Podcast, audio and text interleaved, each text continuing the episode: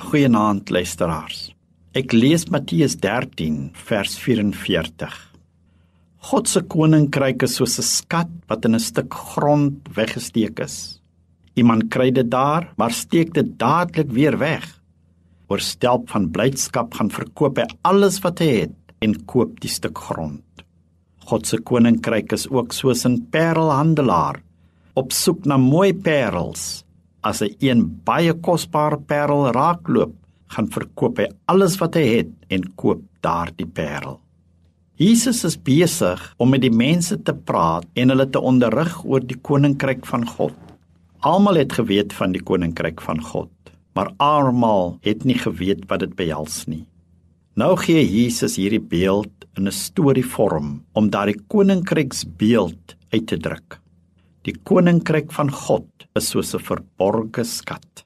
Kom ons kyk na hierdie skat. Dit is 'n absolute waardevolle skat. Dit kan met niks vergelyk word nie.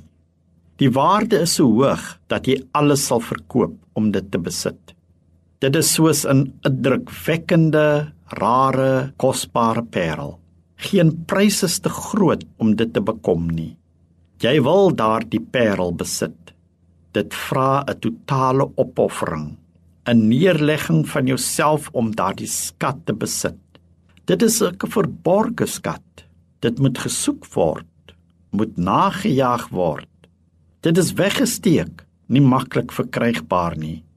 Dit lê begrawe tussen al die ander dinge. Ek moet geweldig moeite doen om dit te bekom. Hierdie skat het God self vir ons voorberei. Dit is Jesus Christus in julle. Hierdie kosbare skat is die verlossing wat ons in Jesus Christus vind, die middelaar, die verlosser, die saligmaker. Hy is ons geregtigheid. Hy is ons vrede. Hy het ons duur gekoop, nie met goud of silwer nie, maar met sy eie kosbare bloed. Sodoende het hy die prys betaal en ons vrygespreek van alle sonde en ons gered vanuit die greep van die dood. Hierdie verlossing in Jesus Christus is die mees waardevolste skat ter wêreld. Die mees waardevolste skat in alle ewigheid. Het u dit al bekom? Amen.